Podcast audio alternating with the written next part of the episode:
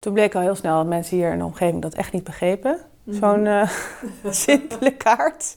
Daar snapten ze helemaal niks van. In deze podcast ga ik in gesprek met Nathalie van Verschuur.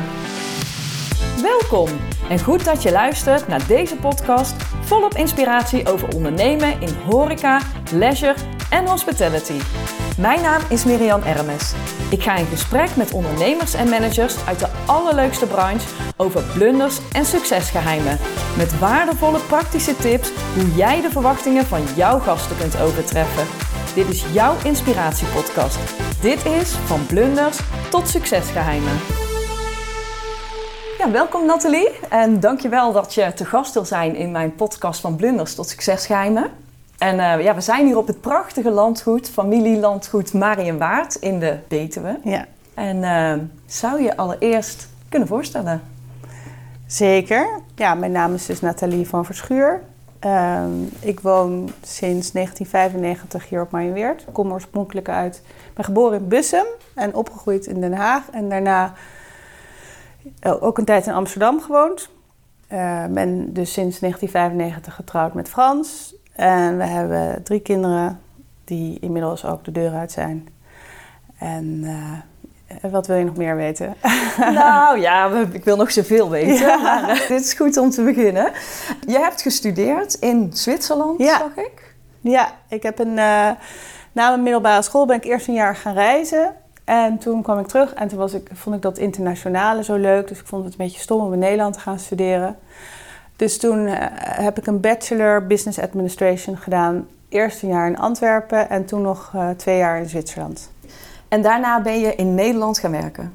Ja, het was het eigenlijk het idee dat ik nog een masters ooit zou doen, maar dat is er niet meer van gekomen. En in die tijd was het ook niet zo gangbaar dat je ook nog een masters deed. Mhm. En dus toen ben ik in Amsterdam gaan wonen en daar gaan werken. Eerst in de sales promotion en daarna in de interne communicatie en vervolgens vijf jaar in de uh, promotionele kleding en bedrijfskleding projecten. Ah, oké. Okay. En jij woonde dan op, ja, op jezelf in Amsterdam? Ja. En, uh, ja. en kende je toen Frans al? Nee. nee, nou ja, die heb ik dus wel leren kennen op een gegeven moment. Ja. Um, Frans um, had dus uh, een groot agrarisch bedrijf hier op Mijnweerd. En een vriendin van mij die ging nadenken met een groepje over hoe kun je de producten van de boer en de producten van bijzondere ambachtelijke producenten in Nederland um, op de kaart zetten. Hoe kun je ze daarbij helpen? Mm-hmm. Eigenlijk uh, heel vooruitlopend op de trend die daarna kwam. Om hè, meer streekproducten, meer mooie producten uit Nederland zelf. En toen heeft ze Frans erbij gevraagd, als, eigenlijk als boer.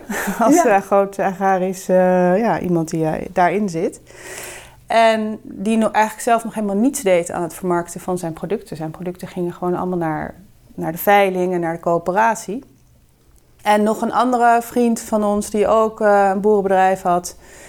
En dan nog een aantal andere mensen, waaronder ik. Want ik had dan een marketingbaan, sales en marketing. Dus uh, in die hoedanigheid mocht ik er ook bij zitten. Ah. En zo heb ik Frans leren kennen.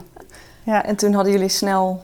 Ja, we moesten altijd enorm, we hadden altijd wel uh, veel... Uh, ja, we gingen een beetje dollen en grappen maken. En, maar Frans woonde hier in Beest natuurlijk. En ik dacht, hij is totaal niet in mij geïnteresseerd. en ik woonde in Amsterdam. En hij dacht, hij is totaal niet in mij geïnteresseerd. Oh, wat grappig. Ja, en toen... Nou ja, uiteindelijk ben ik hier een keer langs gegaan. Want ik had hier een klant, Volvo, die, die zit hier achter, mm-hmm. tegen het landgoed aan. Ja. Dus toen dacht ik, nou weet je wat, ik ga gewoon een keer daar langs. Want we waren een keer hier met, ook met een groep vriendinnen geweest op de boerderij bij hem. En um, dus toen ben ik langs gegaan, maar toen was hij niet thuis. Nou, en toen is hij uiteindelijk nog een keer... Uh, daarna heeft heel lang geduurd. En toen een jaar later, toen uh, is uiteindelijk is het goed gekomen. En toen is het wat geworden. En toen zijn we eigenlijk heel snel ook getrouwd. En ja. over welke tijd hebben we het dan? Welke... Dit was in 1993. 1993. Ja. En heb je toen ook meteen een keuze gemaakt om op het landgoed te gaan werken? Of heb je nog eerst je eigen baan gehouden? Ja, ik had mijn eigen baan nog, maar daar was het eigenlijk niet meer zo leuk. Want het bedrijf werd overgenomen en uh, dus de cultuur veranderde heel erg. En ik vond het, ik woonde toen al op het landgoed. En uh, ja, Frans kon niet naar Amsterdam verhuizen. Had hij best leuk gevonden om een tijdje in Amsterdam te wonen. Maar hij kon hier natuurlijk echt niet weg. Had Nee. dat grote boerenbedrijf. En dus toen uh, woonde ik hier en toen vond ik het eigenlijk zo jammer om elke dag hier weg te moeten. Want ik vond het hier zo mooi en fijn. En ik stond altijd in de file, want mijn baan was in Huizen, in, uh, in het Gooi.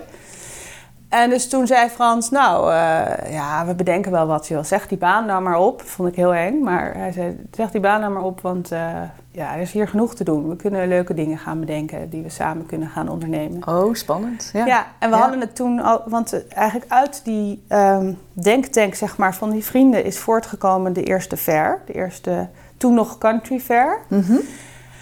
En toen hebben we na dat eerste jaar gezegd... Uh, ja, wij willen eigenlijk wel door met zo'n evenement... maar dan echt ten bate van Marienweert... Ter, voor de instandhouding van het landgoed. Dus daar kreeg ik het eigenlijk meteen heel druk mee... om dat evenement te gaan organiseren. En toen zijn we ook meteen begonnen met een winkel hier op het landgoed... waar de producten werden verkocht die mijn schoonmoeder maakte. Ah, eigenlijk de jam. maakte ze zelf? Ja, zij maakte altijd... want ze had een grote oogst uit de moestuin... En die maakte zij helemaal in. Dus zij was daar altijd heel druk mee met uh, het verwerken van al het fruit uit de tuin. En daar kookte ze dan hele lekkere jams van. En die, uh, die zijn wij toen gaan verkopen. Oké, okay, dus je schoonmoeder die maakte dan de eigen producten. En Ja. eigenlijk dus het uh, vermarkten van die producten en de landgoedfair of de country fair toen... dat waren de eerste Ja. beetje commerciële Ja. dingen op het landgoed. We hadden een heel klein winkeltje. Oké. En eh, het begon eigenlijk met een stand op die fair, op die country fair. Daar verkochten we dan die jams. En mijn, en mijn schoonzusje zei, nou, ik vind het leuk om chutneys te maken. Want die heeft veel in Engeland eh, is geweest. En die was daardoor geïnspireerd om eh, lekkere chutneys te gaan maken. Dus zij maakte in haar eigen keuken, zij woonde in Utrecht, een heel klein huisje, maakte ze allemaal chutney. Nou, en toen hadden we een stand met, eh, met dat en met aardappels van het landgoed en appels van het landgoed en vlees wat we dan gingen. Was nog niet van onze eigen koeien, we hadden toen Aberdeen Angus. Maar kwam uit Schotland, heel lekker Aberdeen Angus vlees. En een aga in de stand om het op klaar te maken. Oh. Eh, dat was hartstikke leuk. Alleen binnen een dag waren alle jams uitverkocht. Oh. Toen En hoe lang mijn duurde de- schoonmoeder... S'nachts heeft ze nog bij staan maken. Oh. Ja, en, ehm, en toen daarna toen zijn we het echt, zeg maar, een mooi potje en mooie etiketjes ontwikkeld. En, eh, eh, maar ze maakte, zij maakten het nog steeds. En, eh, maar toen op een gegeven moment ging het echt niet meer. Nee. Toen kwamen er grote bestellingen. Toen, wilde, toen hadden we op een beurs gestaan, op de eh, kerstpakkettenbeurs in de Rij in Amsterdam. En toen kwam de Bijenkorf op onze stand en die zei... nou, wij willen eigenlijk jullie producten wel opnemen. toen dachten we, oh, oké, nou, is misschien wel een uitdaging. Dus toen, eh, toen zijn we zelf gaan produceren, Frans en ik... in een grote ketel, of een ketel, zo'n soort van eh, kookketel, zeg maar... Mhm. voor productiekeukens. En dat was dan nog op het grote huis. En nou, dat ging voor geen meter, want wij... het is natuurlijk heel anders om op veel grotere schaal te gaan koken... dan dat je dat doet in zo'n kleine koperen pan, wat mijn Ja. schoonmoeder deed. Ja. Dus toen hebben we uiteindelijk hebben we een eh, levensmiddelentechnoloog in dienst genomen... en een grotere jamketel gekocht. En toen zijn we echt professioneel gaan eh, produceren. Oké, en in die tijd, hoeveel mensen hadden jullie toen in dienst? Nou, we hadden één mevrouw op kantoor. Die was er part-time en die nam de telefoon aan en deed de administratie. En er kwam een rentmeester kwam één keer in de week. En voor de rest hadden we op kantoor eigenlijk niemand. En eh, Frans had dan wel de jongens eh, op de boerderij en eh, in het onderhoud die hier werkten. Dus dat was een team van, nou, tien man misschien maximaal, tuinman erbij. En nu zijn we met 100, eh, 180. Ja. Zo, dat is wel in een aantal jaar, want dan hebben we het over 25 jaar. 26, ja. Ja. Ja. ja. Zo, tof zeg. het is heel hard gegroeid. En wat is dan jouw rol binnen de ontwikkeling van La- eh Marienweert? Nou, wij zijn eh, natuurlijk samen steeds meer gaan oppakken. Eerst die fair en die winkel. En ik deed dan de winkel wel ook echt. En trouwens ook wel de organisatie van de fair. Ehm, en daaruit voortkwam dat er steeds meer vraag kwam eigenlijk vanuit... Eigenlijk vanuit de fair, de bezoekers van de fair. En er hadden ook veel publiciteit eromheen. Ik had iemand, een mevrouw, die mij hielp met de publiciteit. En die eh, heel veel goede contacten had. Dus zij organiseerde dat wij in de Telegraaf kwamen. En in Mhm. andere landelijke kranten en in goede tijdschriften. En dus daardoor kwam er ook weer spin-off van mensen die ons vroegen ehm, van... Goh, kan je ook uh, bij jullie een locatie huren voor een feest of een partij? Dus toen zijn we dat ook gaan doen. En ik denk dat mijn rol is, zeg maar, de kansen zien, de uh, marketing, de, het uitdragen, Mhm. het verhaal vertellen. ehm, en eh, ook wel dingen zien, zeg maar. Daarom hè, vind ik het ook heel leuk om op zo'n inspiratiereis te gaan en dingen te zien en mee naar huis te nemen. En Frans is heel goed in het, in het, in het gewoon doen. Ja. het in de praktijk brengen. Ja. En, eh, en het oppakken. En het dan ook echt realiseren. Ja, precies. Ja. Ja. want je bent dan eigenlijk gegroeid van 15 zeg maar naar eh, 180 mensen. Ehm, eh, veel commerciële activiteiten, hè? want je hebt een winkel, maar ook een winkel in Utrecht. En even kijken, horeca, bruiloften en alles, evenementen, zowel particulier als zakelijk. Ja. Maar het bedrijf heeft ook een bepaalde missie. En wat is dan precies de missie van jullie? Nou ja, kijk, dit landgoed zit al sinds, eh, bestaat al sinds 1129. Is sinds die tijd zijn de grenzen ongewijzigd gebleven. Oké, Eh, sterker nog, ze zijn nu eigenlijk iets groter. Het landgoed is nu 1000 hectare, het was toen 900. Dus er is zelfs nog wat grond bijgekomen. Het is gewoon ontzettend kostbaar om zo'n landgoed in stand te houden. Dus daar moet je tegenwoordig voor ondernemen. Je kan niet meer zeggen, ik ga draaien op subsidies alleen Nee. maar. Of inkomsten uit pacht en huur, wat vroeger natuurlijk wel zo was. Hè? Vroeger draaide het landgoed, landgoed daarop, op, op pachters en huurders. En eh, toen eh, in de tijd van mijn schoonvader was dat al niet meer zo. Maar die had gewoon een hele goede baan in buiten de deur. Die was zo hoofd van de raad van beheer van de, van de Rabobank. Had een heel goed inkomen en die, die stopte een deel van zijn inkomen in het landgoed. En Frans is zelf gaan ondernemen hier. Eh, enerzijds natuurlijk voor een eigen inkomen, maar anderzijds ook heel sterk om dat landgoed mee te kunnen voortzetten. Hè? Hoe, en hoe doe je dat? Door, ja, gewoon door goede dingen te ondernemen en daarmee weer eh, te kunnen investeren. ja. Dus dat is de missie. De missie is het voortzetten van het landgoed. Ja, precies. Ja. Ja. En dat doen jullie op deze manier door, eh, want ik, ik weet niet of dat ook de toekomst uiteindelijk is. Eh, stel voor, je hebt straks kinderen, eh, nemen die het dan over? Gaat dat automatisch of moeten ze daar, hoe werkt dat? Ja, nou ja, dat is, het idee is wel dat, eh, dat niet, misschien niet on- alleen onze kinderen, maar er zijn meerdere kleinkinderen. Dus Oh, eh, het zou ook nog kunnen dat er uit andere takken kinderen zijn die het leuk vinden om hier te komen werken. Eh, er zijn eigenlijk twee belangrijke aspecten. Eén is het bedrijf. Hè. Frans en ik hebben samen een, een exploitatiemaatschappij. Dus wij exploiteren het landgoed. Wij Ja. zijn eigenlijk een soort pachter. Ja. Dus wij dragen daarvoor af aan het landgoed. Ja. En dan heb je de landgoed BV, dat is dus eigenlijk de eigenaar van het landgoed. En daar zit een directeur op, dat, is- dat is ook Frans. En, en da- daar zit het hele beheerstuk. Dus dat is ook Ah. nog best wel een heel beheer. Eh, het is een, eh, natuurschoonwet BV. Dus een natuurschoonwet BV eh, mag niet zelf ondernemen, maar is dus wel bezig met eh, de huurders, de pachters, de subsidies, de ehm, ja, klimaatbos, van alles en nog wat. Dat is ook nog een heel belangrijk onderdeel van, van wat Frans doet. Ja. Oké. Ja. En als je dan eh, kijkt naar al die ontwikkelingen die je hebt gedaan, hè, ehm, wat vind je dan het allerleukste? Ehm, ja, ik vind, ik vind eh, zelf eigenlijk de, eh, onze producten, de winkel, de, ja, dat, wat het landgoed voortbrengt en dat dan in de markt zetten, dat vind ik eigenlijk het allerleukste. En Dus ook daar mee eigenlijk- bezig zijn. Ja, dat iedereen ook kennis maakt met het mooie van het landgoed. Ja, ik Ja. geniet er ook wel heel erg van als mensen hier echt een. Nou ja, als mensen hier genieten. Als ze het fijn vinden om hier te zijn. En als ze daar lekker op het terras van de stapelbakker zitten. En eh, er zijn heel veel mensen die ons aanspreken en zeggen: Oh, ik vind het zo leuk en zo heerlijk. En eh, ja, dat Ja. vind ik echt leuk. Ja. Ehm, en ik vind ze het overal leuk. komen, de gasten? Nou, ze mogen ja, alleen niet in de privé-omgeving van ons bijvoorbeeld. Hè. We hebben natuurlijk ook onze eigen privacy. Ja. Dus onze tuin is alleen eh, met rondleidingen toegankelijk.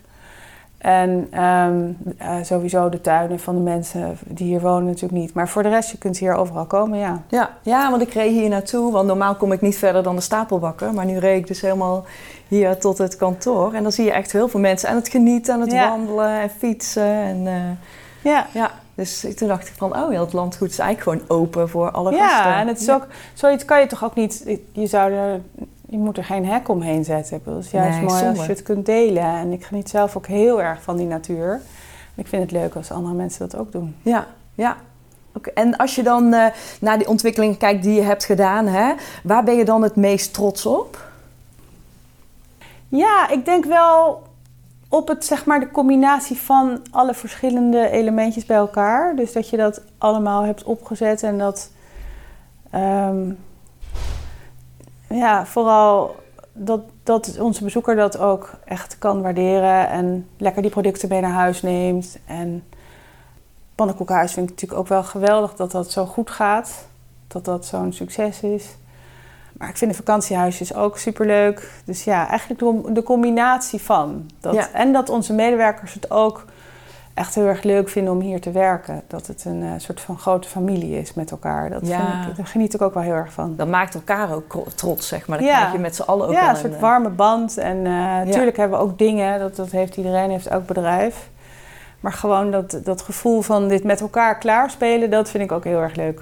Ja, en wat, eh, ik weet niet of je er wel eens met de medewerkers over hebt, maar wat maakt het zo bijzonder om hier te mogen werken? Nou, het is heel persoonlijk. Het is heel. ehm, je bent heel, heel nauw betrokken bij, bij de familie, bij. ehm, ja, de, we zijn heel open daarin. Hè. We delen heel veel onze zorgen, onze, de, de leuke dingen. ehm.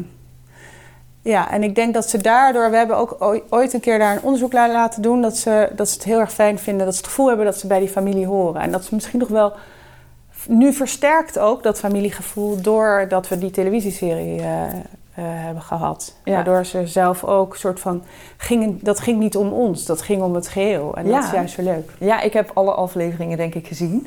Eh, maar ik vind het ook echt, je krijgt echt een kijkje in hoe het ook gaat. En dat het niet alleen maar heel mooi is, maar dat er ook heel hard gewerkt wordt, zeg Ja. maar. En wat er allemaal bij komt kijken. Het is wel echt een hele toffe televisieserie, vind ja, ik, ik ook. vind het ook heel leuk gemaakt. Ja. De, de, de regisseuse heeft eigenlijk dit bedacht. Oké, Het is haar idee. Zij had ons gezien in de Wereldrijd Door met onze medewerkers. Naar aanleiding oh, is van... daar een aanleiding van? Ja, we hadden- waren gevraagd door de Telegraaf eh, of wij wilden meewerken aan een artikel over Downton Abbey. Mhm. En de vergelijking tussen Downton Abbey in Engeland van toen en hoe het dan nu bij ons is. Dus nou ja, wij, eh, zij doen ook veel voor ons altijd met de uh, publiciteit en zo. Dus wij dachten van nou eigenlijk weten we niet zeker of we dit nou wel zo leuk vinden, maar vooruit, we doen het. dus toen, ook om hun een keer een plezier te doen.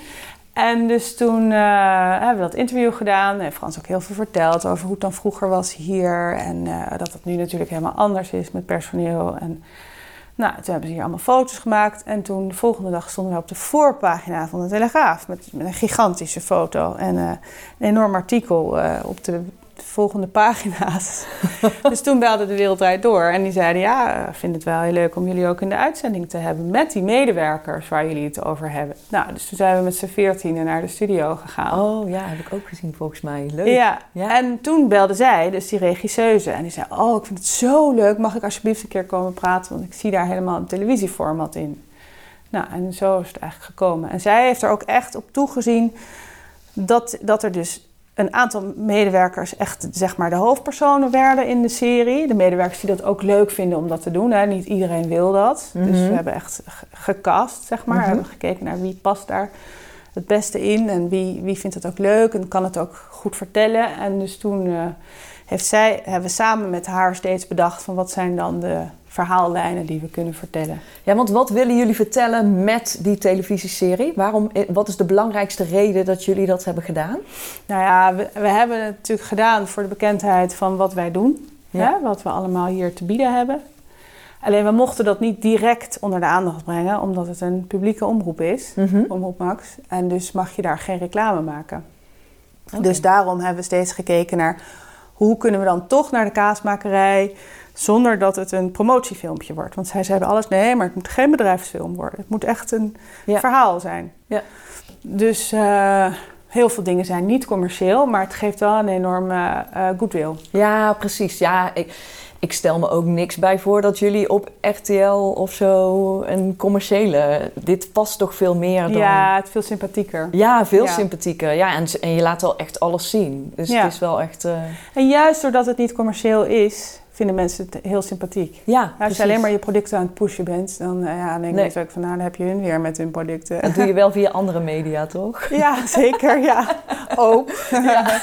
Zoeken de mix. Ja. Een mix, inderdaad. En ehm, als je je voorstelt dat het nu eh, 2026 is... Hoe kijk je dan terug op de afgelopen vijf jaar? Poeh, jeetje. Ik vind het wel een eh, heftige tijd. Mhm. Hè, nu met eh, wat er allemaal door corona ook natuurlijk gebeurd is. Ik denk dat je daar... Ik hoop dat we daarop kunnen terugkijken, dat dat allemaal achter de rug is.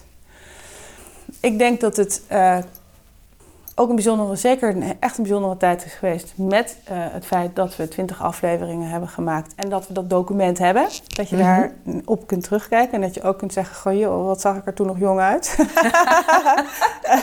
ja, want eh, nou ja, het is toch leuk dat je dat hebt voor later ook. Ja. En de afgelopen vijf jaar, ja, ik denk wel dat er ook bij ons is er een soort van volwassenheid aan het, eh, aan het komen in, in het ondernemen. Mhm. Eh, want wij hebben natuurlijk alles heel impulsief gedaan. We zijn gewoon begonnen. Hè? We zijn begonnen met die ver, begonnen met die winkel, begonnen met het pannenkoekenhuis. We hebben eigenlijk nooit heel veel marktonderzoek gedaan of eh, gewoon eigenlijk intuïtief ondernomen. En dat we in de afgelopen vijf jaar wel echt zijn gaan nadenken over... oké, focus op wat goed gaat en stop dan ook met de dingen die, die niet goed gaan... en die je misschien te lang bent blijven doen. Ja. En ehm, nou, dat het wel een soort van omslagpunt is, denk ik nu. Ook door de coronacrisis, dat je gaat nadenken over... jeetje, we zijn wel heel kwetsbaar met zoveel personeel. Ja. En, eh, en dat, dat is nu eigenlijk een belasting voor het landgoed... in plaats van dat het een, eh, een, een, een opbrengst eh, heeft. zeg Ja. maar. Het kost nu heel veel geld. En gelukkig gaat het nu wel weer beter, maar we zijn er natuurlijk nog lang niet. Nee. Nee. Wat zijn dan nu voor de komende jaren de belangrijkste uitdagingen? Nou ja, toch proberen om minder kwetsbaar te worden daarin. In het hebben van eh, veel personeel. Ja. Eh, ook wij hebben natuurlijk last van eh personeelskapte. Ja. Dat we nu eigenlijk nodig hebben en het niet kunnen krijgen. Mhm. Ehm, dus hoe ga je daarmee om en hoe kun je je systemen verbeteren dat je dat, je dat efficiënter maakt? En ehm, hoe kun je ook meer een soort van vaste basis krijgen? Want wij hebben natuurlijk altijd ook... Voor ons was een heel, heel belangrijk moment van het jaar die landgoedver. Dat was echt een nou ja, grote inkomstenbron. Eigenlijk eerst de belangrijkste. Daarna is gelukkig het pannenkoekenhuis de belangrijkste inkomstenbron geworden. Maar nu heeft natuurlijk het pannenkoekenhuis ook een hele tijd stilgelegen. Mhm. Maar die landgoed ver ook. En landgoedver ook. Dit jaar voor de tweede keer niet. Ja. Dus je bent heel kwetsbaar. Ja. Hoe kan je dat dan verschuiven? En daarom zijn we nu ook heel erg gaan focussen op ontwikkeling van eigen producten meer. Want onze winkel heeft het juist wel heel goed gedaan in het afgelopen jaar. Ja. Oké, dus jullie zijn nu echt aan het focussen op de ontwikkeling van eigen producten. Ja, Ja. En, en, het, en het verkopen van eh, pakketten.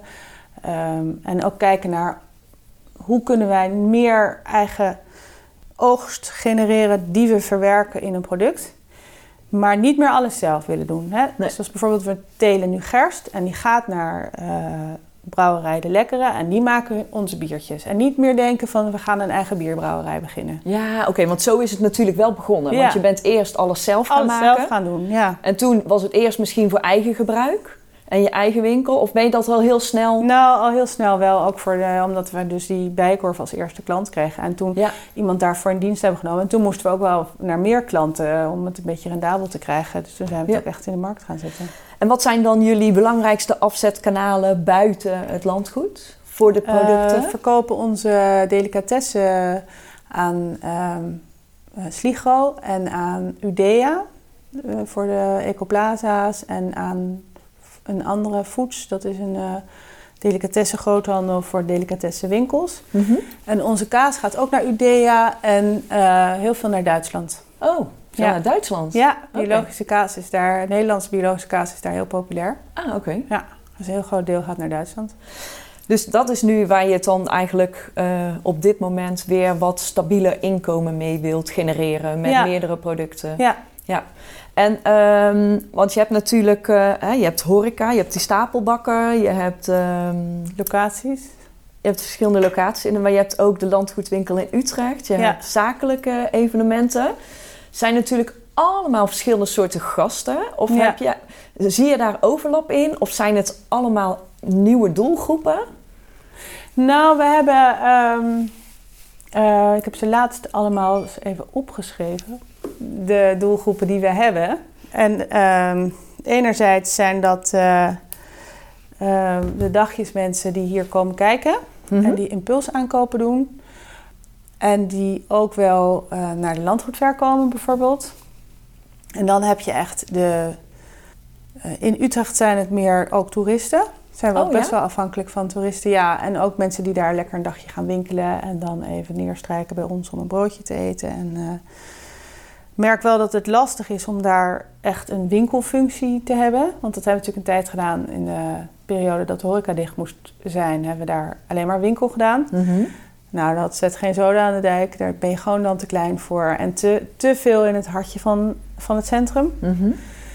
En um, ja, daar is het publiek wel wat um, meer geïnteresseerd in vegan en dat soort dingen. En dat heb je hier veel minder. Ja. Hier is het echt vrij basic wat hier komt. En dan hebben we ook nog een specifieke groep die echt wel komt voor biologisch en voor mooie producten. En die met een boodschappenlijstje naar de landgoedwinkel komt. En die, die groep zou ik graag groter willen maken. Ja, ik wou zeggen, welke vind je de allerleukste doelgroep? Ja, dat vind ik een leuke doelgroep. Ja. ja. Ja. vind ik een hele leuke doel. Maar goed, die anderen ook. Ja. Want uh, ik had het daar laatst ook met onze jongste dochter over. Die doet communicatiewetenschappen.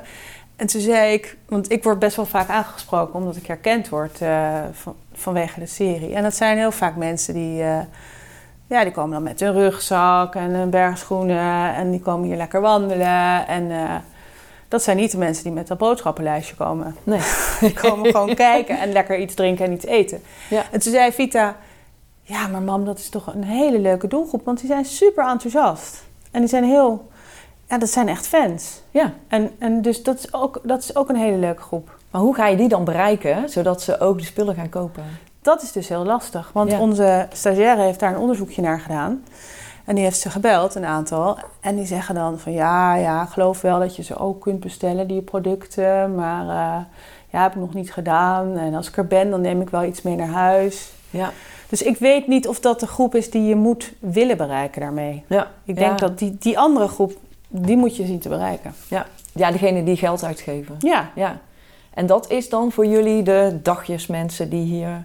Nee, de dagjesmensen die komen voor de horeca. Oké. Okay. En die komen wandelen en fietsen. Ja. En die nemen dan iets mee. Een Mhm. stukje kaas, een potje jam. Of ze kopen een jurkje of een, uh, Oh, ja. een serviesje of zo. Dat vinden ze ook leuk. Maar die kopen iets in een impuls. Oké, en welke is dan de meest... Maar die eh, andere groep, die is veel kleiner natuurlijk. Ja. Ehm, dat is 80, 20 procent. De 20 procent groep, die komt echt... Die zijn fan van onze producten. Die komen niet voor Maaienweert als landgoed, maar die komen om dat vlees te halen en die, en die kaas. En die groentes die we biologisch hebben. En die bestellen een pakket en Ja. eh, dat soort dingen. Ah. En die, vind ik, die, die, die wil ik beter zien te bereiken. Ik wil ook graag die webshop een vlucht laten nemen. En, ehm, dus het idee is wel om daar wellicht ook nog wat meer eh, middelen voor te gaan creëren om dat over te brengen. Want dat kon natuurlijk niet in de serie van eh Omroep Max, want dat is te veel op het product gericht. Mhm. Maar je kunt wel zelf je eigen filmpjes maken Ja. en die posten. Ja, ja, en dan moet je eigenlijk kijken, onderzoekje doen van waar ze zitten en eh, Ja. welk mediagebruik dat ze hebben. En eh, Ja, dan kun je ze daar weer ja, zien te bereiken, zeg Precies. maar. Even die doelgroep goed in kaart brengen, denk ik. ja. Ja. Oh, leuk. Interessant, eh, interessante doelgroep. En ehm, hoe overtref je eigenlijk de verwachting van jouw gasten die hier komen? Ja, doordat ze. ehm, Dat hangt van welke gast af. Hè? De gast Mhm. die hier bij de locaties komt voor een partij. die, eh, ik sprak er net nog een die zei, eh, ja, zei, zo lekker gegeten. We hebben hier echt een hele goede kok. Oké. En die kan echt je verwachtingen overtreffen. En dat Mhm. verwacht je misschien niet meteen. Maar het is hier niet gewone catering, zeg maar. Het is echt wel een hele goede kok. En dat is je eigen kok? je hebt jezelf die werkt dienst? hier al 15 jaar. Oké. Ja. En die, eh, ja, die kan gewoon echt waanzinnig lekker koken. Hm. En dat is leuk. En die is ook heel erg bevlogen. Die heeft ook heel veel productkennis. Die geeft ook kookworkshops. Dus dat is heel... eh, Dus culinair worden de verwachtingen sowieso overtroffen als de- mensen hier ja. een eh, zakelijke voor een partij, voor ja. een partij, maar zeker. ook voor bruiloften en Ja, en wij vinden het eigenlijk jammer dat heel vaak die bruiloften... eh, of zakelijke gasten dan eh, een partymix willen, weet je wel. Eigenlijk willen wij dat helemaal niet. Nee, Dat, En dan bedoel je zo bitterballen ja, zo'n bitterbal. Ja. Ja, denk, doe maar dan je biedt het wel aan. Nou ja, dat, daar hebben we- discussie hebben we altijd hier intern. En dan zeggen onze salesmanagers, die zeggen dan ja, oké, maar als, je nou, als het nou een breekpunt is, als we dan ergens anders naartoe gaan omdat jij geen bitterballen wil doen, wat doe je dan? Ja. ja. Zij vinden dat we het dan gewoon moeten aanbieden. Dus dat doen we vooralsnog nog wel. Mhm. Maar, dat is wel zijn een discussiepunt. spannende puntjes. Ja. Ja. zeker. Want je zou eigenlijk willen zeggen, nee, wij doen dat niet. Wij doen alles biologisch, dus we doen ook niet eh, dat soort van hapjes. Ja, of je moet een alternatief hebben wat een beetje aansluit misschien. Ja, Wat eh, daar dan ja. ja. wel een soort partymix, maar dan Ja. in jullie stijl. Maar ik weet dat ik was een keer ergens in Hotel Duin in Kruidberg voor een bijeenkomst. En toen zei die eh, directeur daar, die zei... Ja, zei die, wij krijgen hier gasten en die, die eten het allerlekkerste. Die komen de beste restaurants. Die hebben de heerlijkste dingen die ze eh, krijgen. En als ze dan hier komen voor een partij, dan willen ze gewoon een biertje en een bitterbal. ja. Ja. Vinden ze zo lekker? Ja, ja, dan zou ik het ook nog maar niet gaat ze maar verbieden. Ja, ik snap dat wel, Ja, toch? precies. Ja. Ja. nee, dat klopt ook. Dat klopt ook. Maar ehm, ja. Oké, dus eh, de zakelijke gasten die worden culinair wel overtroffen, de Ja. verwachtingen overtroffen. En als je hier ehm, als eh, daggast bent, Ja, mensen vinden zeg maar de combinatie van ehm lekkerder bij het pannenkoekenhuis, ehm, gratis parkeren, gratis naar de wc, weet je, daar doen we allemaal niet moeilijk over. En, en op het terras eh, is gewoon een heel mooi groot terras. Die wintertuin is super leuk. Die, die is drie jaar geleden er aangebouwd en dat ziet er gewoon allemaal heel leuk uit. Hip van deze tijd. Het is niet oudbollig. Terwijl Mhm. je zou denken, sommigen denken bij een pannenkoekenhuis rood-wit geblokte gordijntjes, maar dat hebben, dat, daar doen we niet aan. Nee. En ja, ik denk dat de natuur ook wel heel veel doet. ja, Die prachtige notenlaan. Ja. Ja, dat Ja. is gewoon super mooi. Ja en je Dingen. wordt ook wel heel gastvrij ontvangen, Ja, vind ik. ja, nou dank je. Ja, Dus, dat is wel eh, de bedoeling. Ja, Ja. als je dan eh, een beetje terugkijkt naar een aantal jaren, wat is dan je allergrootste succesgeheim geweest voor Ehm, hier? Nou, ik denk dat de, de landgoedver wel een heel groot eh, succes altijd is geweest. Mhm. Eh, omdat het dat warme familiegevoel heeft. Wij daar altijd met de hele familie ook hebben, eh, ons voor hebben ingezet. Het is ook een moment waarop eh, er een soort van magie is van al die medewerkers die dan met elkaar samenwerken. Want door het jaar heen zijn het toch wel een beetje eilandjes. Hè? Je hebt de productie, je hebt pannenkoekhuis en die, die werken allemaal, hun, doen hun ding. En de boerderijjongens doen hun eigen ding en de jongens van het onderhoud. En tijdens de fair is iedereen, iedereen wordt ingeschakeld. Iedereen doet wat. Ja. En dat geeft een enorme team spirit voor het bedrijf. Mhm. Eh, de standhouders voelen zich daardoor ook wel heel erg in de watten gelegd, omdat wij veel voor ze doen. En de bezoeker voelt dat, Ja. die vibe van, van, van dat gevoel van met z'n allen dit doen. Ja. En, en dat maakt het heel, eh, ja, bijzonder moment van het jaar. Want jij zegt ook van die standhouders, die voelen zich ook heel erg in de watten gelegd. Dus Ja. die zijn dan ook hele belangrijke gasten eigenlijk voor Absoluut, jullie. tuurlijk. Ja. Wij kunnen geen landgoedver doen zonder standhouder. Nee. Dus we hebben een hele trouwe standhoudersgroep die ieder jaar terugkomt. En, die, en we doen dan ook altijd tijdens de landgoedver de eerste avond een standhoudersborrel. En dan eh, houdt Frans een toespraak en dan krijgen ze allemaal lekker een hapje. En Frans gooit er wat grappen in en dan, eh, ja, dan voelen ze zich weer helemaal eh, betrokken. Ja, oh. Ja. en dan kunnen zij hun gasten weer heel erg in de watten leggen. Ja, Ja. ook jullie gasten natuurlijk, Ja. maar dat zijn dan Ja. ook weer hun gasten. En wij zijn er zelf altijd met een grote landgoedwinkel aanwezig. En daar kunnen we dan ook vaak, doen we daar dan een een nieuw product wat we laten proeven.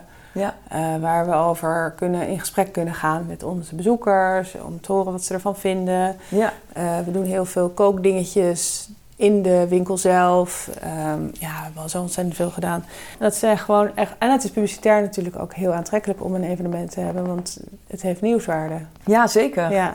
En verwacht je dat, eh, want ja, nu is het natuurlijk een hele moeilijke tijd. Hè? Dit jaar gaat die niet door. Nee, Maar je bent wel alweer bezig met voor volgend voor jaar. volgend jaar. Want jullie doen Ja. dat alleen in de zomer of ook in de winter? Nou, we deden ook een kerstfair, maar daar zijn we mee gestopt.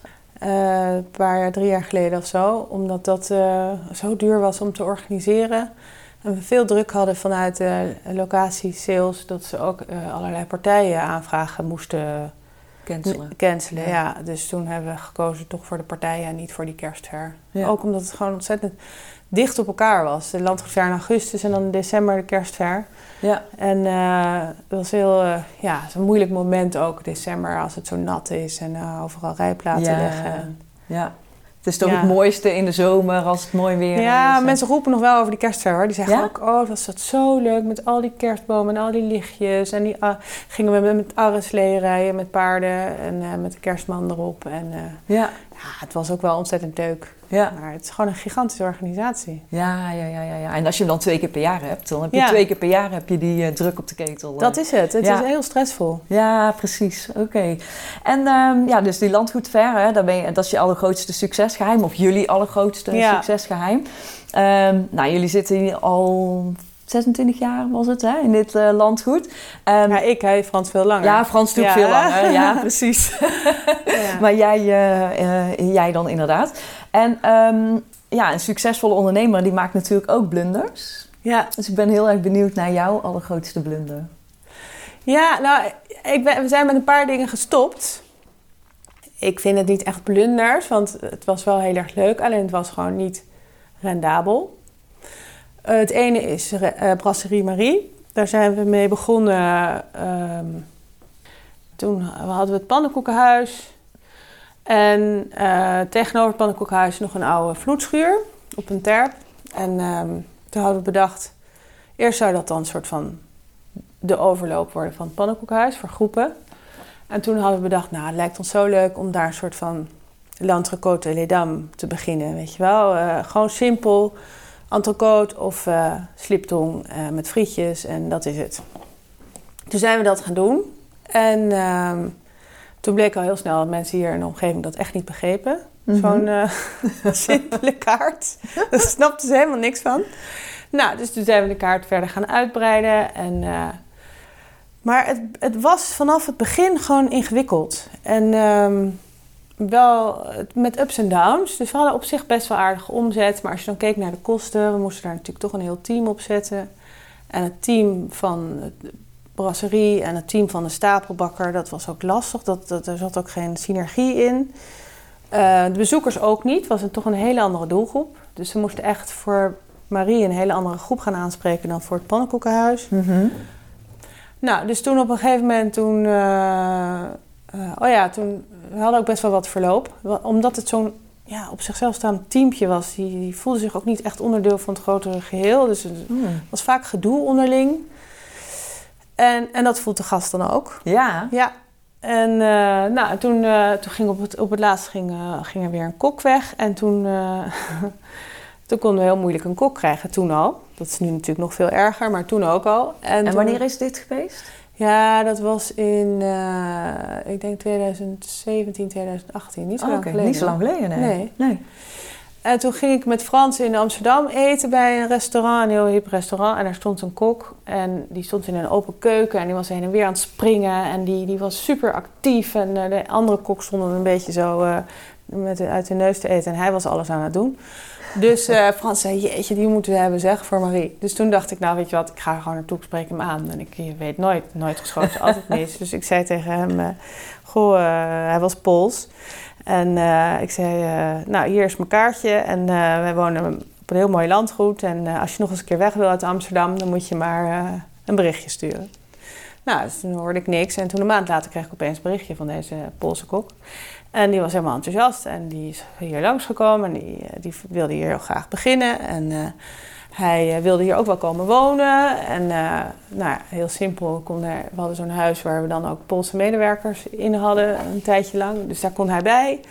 Oké. En ehm, nou, dus wij gingen aan de gang. En heel, hij had enorme plannen om het allemaal heel erg ja, lekkere gerechten op de kaart te zetten. En hij had het ook heel goed voor elkaar. Of tenminste, hij, had, hij kon heel lekker koken, maar hij was mega chaotisch. Dus het was, hij bestelde veel te veel en hij liet een enorme puinhoop achter. Hij maakte niet goed schoon. En eh, toen hadden we het eerste weekend, openingsweekend, want we hebben toen ook van, gezegd van... oké, dan gaan we ook een niveautje hoger zitten. We maken daar een restaurant Marie van. Van brasserie naar restaurant. En we gingen met linnengoed op tafel. Mooie nieuwe stoelen gekocht. En dachten echt een nieuwe start.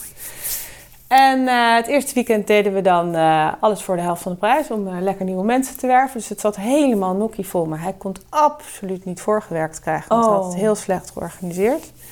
Dus dat was al vrij dramatisch. En toen, eh, ja, dan moet je daar ook weer even weer eh, natuurlijk van opkrabbelen. Ja. En dat ging met ups en downs. Maar toen op een gegeven moment, toen, nou, toen dachten we van ja, dit, dit gaat hem gewoon niet worden. En hij zat nog in zijn proeftijd. Dus toen hebben we hem gezegd, ja, sorry, maar we gaan er toch mee stoppen. En eh, Het was een beetje een inschattingsfoutje. ja, we dachten deze jongen is het helemaal, maar hij was gewoon veel te chaotisch. Ja. Ja. Ontzettend aardige jongen en hij kon heel lekker koken, maar hij was een souschef en geen chef. Hij had gewoon leiding nodig. Ja. En dus toen zijn we, en toen hebben we gezegd, nou ja, weet je, we hebben nou zoveel geprobeerd. En het is ieder jaar als we naar de cijfers keken, was het dan toch weer niet eh, positief. Dus nou ja, nu gaan we gewoon, nou ja, we trekken de stekker eruit. En dat is nog steeds vinden we dat zelf heel jammer, want het was wel altijd ontzettend gezellig. Het is een ontzettend een Ja. leuke plek. Ja, dus je hebt eigenlijk een paar ingewikkelde dingen met, eh, met Marie. Dat is dus en een andere doelgroep. Dus heel Ja. erg moeilijk om die dan goed aan te spreken, denk ik. Want Ja. de gasten van de stapelbakker zijn niet automatisch Nee. de gasten van eh, Marie. Mhm. En dan ook nog een hele andere, ander team. Dus je hebt en... Ja, en het is eigenlijk te klein. Eh, eigenlijk is het een, zo'n klein restaurant met, nou wat hadden we, eh 60 zitplaatsen denk ik. Maar daar heb je gewoon een, eigenlijk gewoon een papa-mama bedrijf is dat. Ja. Als je daar een heel team op moet zetten, dat is meteen al heel duur. Dus dan moet je dat team ook klein maken. Ja, En, eh, en, en dan is het gewoon weer lastig, eh, want dan krijg je, als het vol zit, krijg je dus problemen. ja, Dus en, en, en daar hebben we wel van geleerd, het pannenkoekenhuis is heel groot. Dus dat heeft enorme schaalgrootte. Ja. Dus dan, dan is het niet erg als je veel personeel hebt lopen. Maar Ja. daar had je veel personeel op een kleine locatie. ja En, precies. en dat is gewoon eh, ingewikkeld. Ja, dus als je er wat van geleerd hebt... Wat, want wat heb je dan van dit verhaal geleerd? Ja, dat je dus eigenlijk ehm, niet zo- zoiets kleins nog ehm, moet willen doen. Nee. Ja. En je had er nog één, zei je. Je, zei, wel- je was met twee dingen gestopt. ja, nou, we hebben dus ook een tijdschrift gemaakt. Oh, ja, vertel. Nou ja, we, we, we hebben altijd veel te vertellen. Hè, daarom Mhm. is zo'n serie ook, eh, kunnen wij makkelijk vullen. Mhm. Eh, want er gebeurt hier natuurlijk heel veel. En toen zei een reclamebureau een keer tegen ons van... nou, weet je wat jullie moeten doen? Je moet gewoon een tijdschrift gaan maken. Dat is hartstikke leuk. Kun, kun je daar al je verhalen in vertellen. Nou, en Frans, zoals die is, die zei toen van... nou, maar dan gaan we ook meteen eh, een landelijk eh, bekend tijdschrift gaan we maken. Dus echt een, eh, een titel. Ja. Dus toen hebben we Heerlijkheid hebben we gelanceerd. Een magazine. Daar had ik een heel team op zitten, hoofdredacteur, samen met mij. Dus wij deden samen dan, de, bedachten we de, de inhoud. En allemaal redacteuren en een fotograaf. En het zag echt heel professioneel uit. En eh, dat zijn we begonnen in 2007.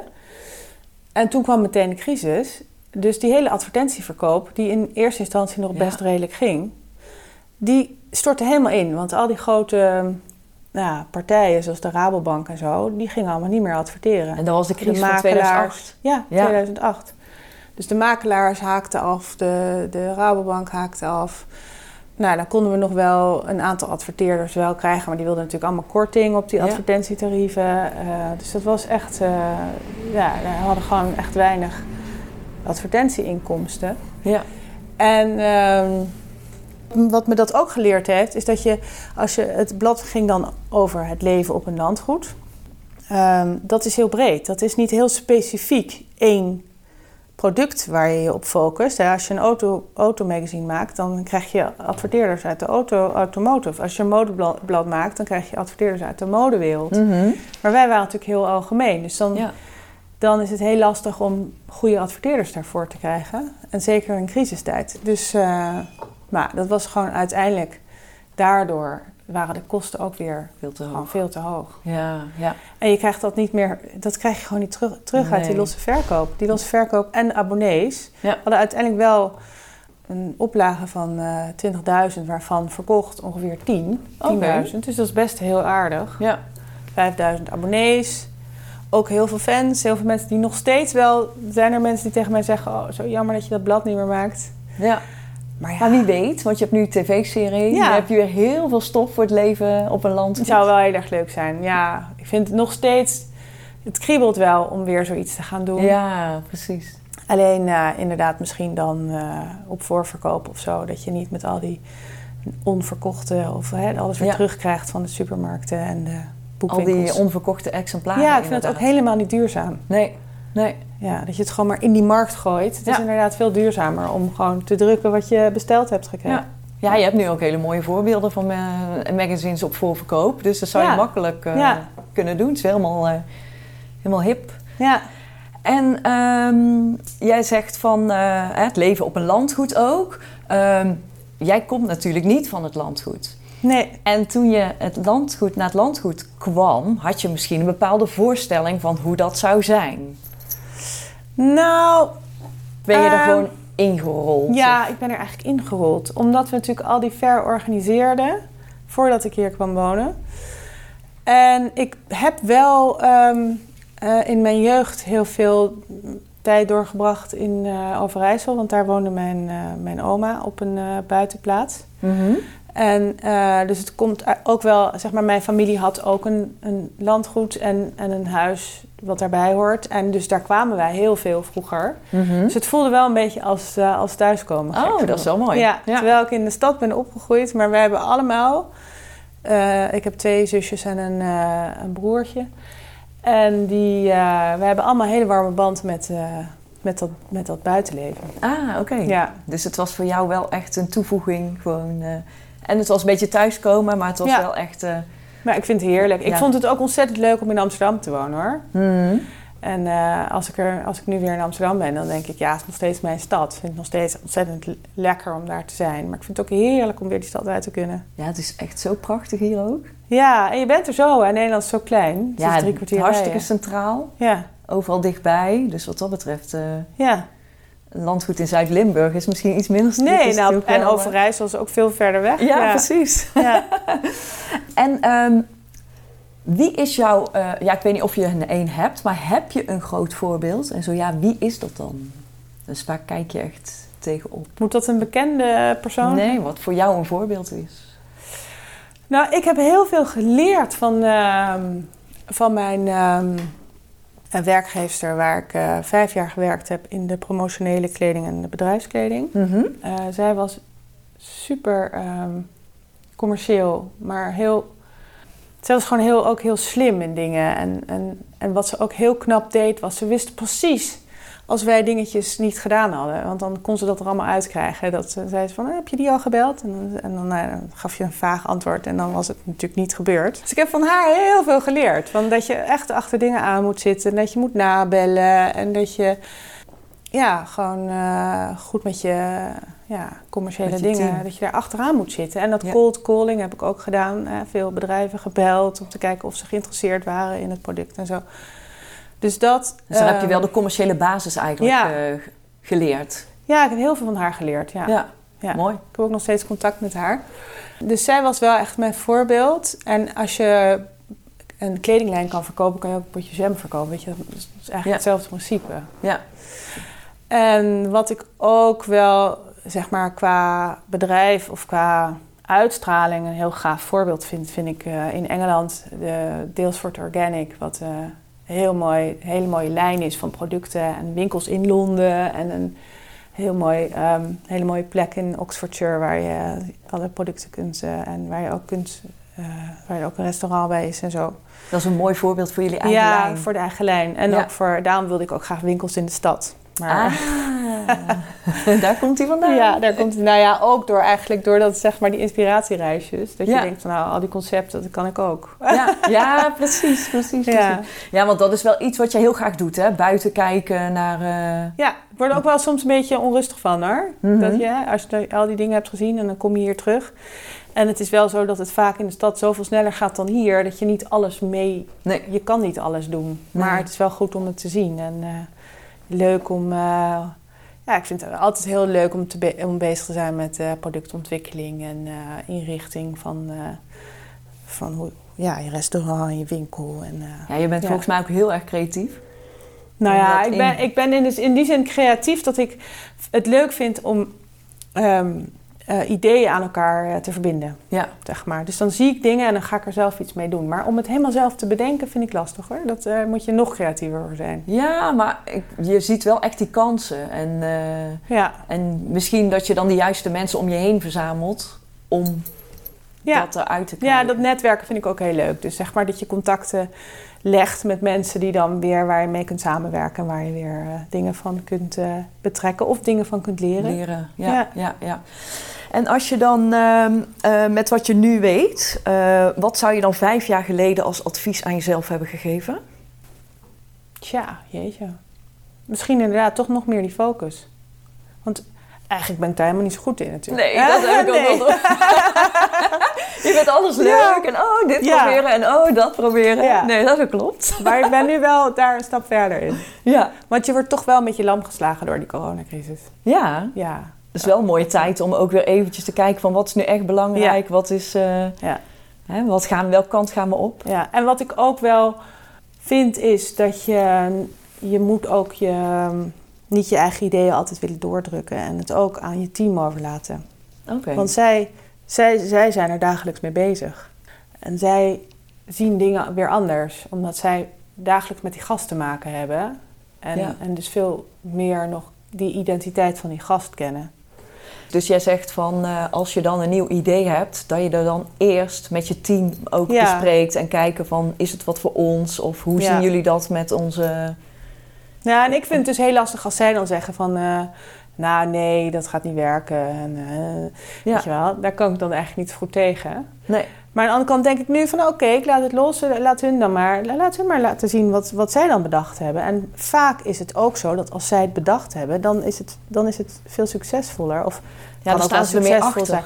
Maar ja, als ik het bedacht heb, kan het ook succesvol zijn. Maar het kan ook te ver van ze afstaan. Ja. En als zij het bedacht hebben, dan gaan ze er helemaal voor. Ja. En om ze dus zover te krijgen dat zij het ook echt bedenken en daar enthousiast over zijn, dat is nog wel een uitdaging. Dat vind ik, dat, dat moet meer. Dat moeten we meer loslaten. En Ja. ik vind het ook leuk om jonge mensen meer, eh, gewoon ook meer in het team te hebben en eh, met nieuwe ideeën nieuwe. Dus dat is eigenlijk voor de komende jaren jouw Ja. ontwikkelpunt om meer uit je team te Ja. laten halen, zeg maar. En zelf meer eh, die ruimte ook te geven. Ja. En ook gewoon jongeren de kans te geven om bij ons ook een, een stap te maken. ja, mooi. Ja. Nog één laatste vraag.